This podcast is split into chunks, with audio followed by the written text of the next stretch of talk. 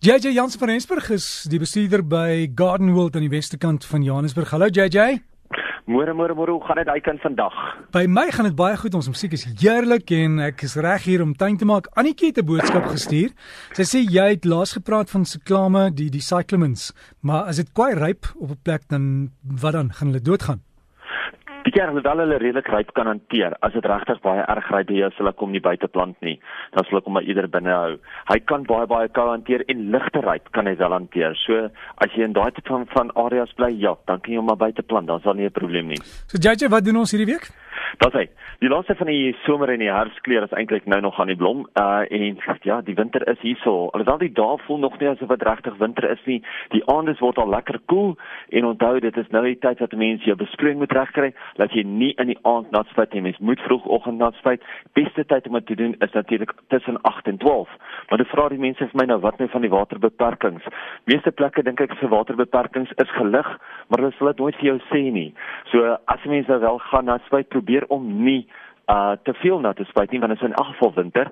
So jy gaan in elk geval jou benatting met omtrent 'n derde of 2/3 verminder, maar vind maar in elk geval by 'n plaaslike owerheid uit of julle waterbeperkings al wel gelig is en dan spuit jy eerder nat tussen 8 in die oggend en 12 in die oggend want dan teen die tyd wat die aand uh koue weer verbykom, gaan die grondkos weer uitgedroog wees en dan weet jy dat jou plante nie so koud gaan kry of nie so seer gaan kry nie.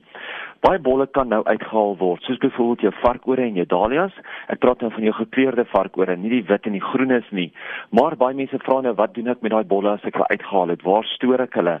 En die beste is om vir jou 'n bierboks te kry. Jy hoef nie 'n kas bier daarvoor te gaan koop as jy nou nie bier drink nie. Gaan vra maar net by die bottelstoer, dan gee hulle vir jou 'n bierboks. En dan wat jy doen is jy gooi hom vol riviersand en jy plant basies jou varkore bolle of jou dahlia bolle binne in daai riviersand. Nou voordat ons dit plant, maak ons dit eers mooi skoon en ons stof 'n bietjie eh, fungus stofpoeier en insekstofpoeier daarop. En daarso kan 'n mens maar gaan gaan jy na so kwyk ry toe en vra hulle wat is die beste fungusmiddel wat hulle het en insekdoder wat hulle het in 'n stofmiddel sodat hulle hom op die bolle self kan stof. Dan plant jy hom basies in daai bokse met die riviersand en jy hou hom ergens in 'n koel cool area. Jy hoef hom nie um buite te laat staan nie. Jy kan hom selfs binne 'n motorhuis of so sit waar dit lekker koel cool is, waar dit donker is. Onthou net jy gaan nog steeds een keer elke week of een keer elke 10 dae klein bietjie water net moet opgooi om my vogvlakke reg te hou. Nie sodat jy die boks gaan beskadig nie, maar net sodat jy effens sy vog in die riviersand self kry. Ietsie anders wat ons nou moet doen is ons moet nou begin om 'n natuurlike veen of 'n tipe van 'n deklaag om ons proteas en ons inheemse fynbos, al ons inheemse flora te gooi.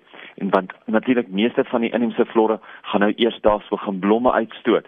So ons moet nou 'n tipe van 'n natuurlike veen as 'n deklaag gooi of natuurlik as jy dit in die hande kan kry, 'n rooibos veen of 'n rooibos um deklaag is natuurlik die beste, maar dit dis al baie skaars om in die hande te kry. So kyk maar 'n bietjie, vra maar 'n bietjie rond wie het rooibos en dan kan jy van daai rooibos oorblysels kan jy basies om jou plante gooi en dit werk baie baie goed. Baie van ons alwenne gaan nou begin blom en dit nou die regte tyd om hulle te voer.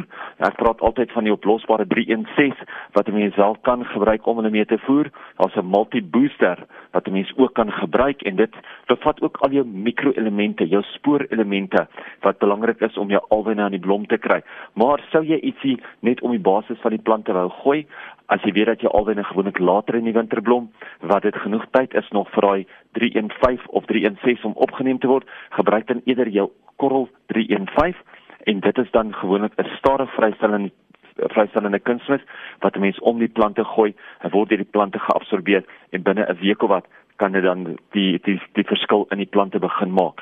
So kyk ek uit vir dit wat nou gaan begin blom in jou tuin. Baie van ons ken ons tuine. Baie van ons maak wel so 'n bietjie van 'n dagboek aantekening, 'n kalender aantekening om te weet wat gebeur wanneer in ons eie tuine sodat ons nie daarvan vergeet nie.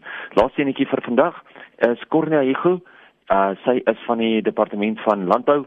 Sy het haar nuwe broodboom identifikasieboek uitgebring en hierine leer sy jou hoe om jou broodbome te identifiseer deur middel van die keels om te kyk na die keels, om te kyk na die brode, daai sade.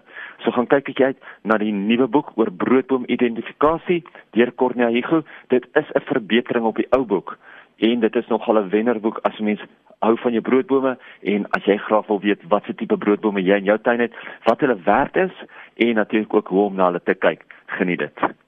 JJ Jansen van Rensburg van Garden World, as jy wil kontak maak, sy e-pos is jj by gardenworld.co.za. Jj by gardenworld.co.za. Lekker tuin maak.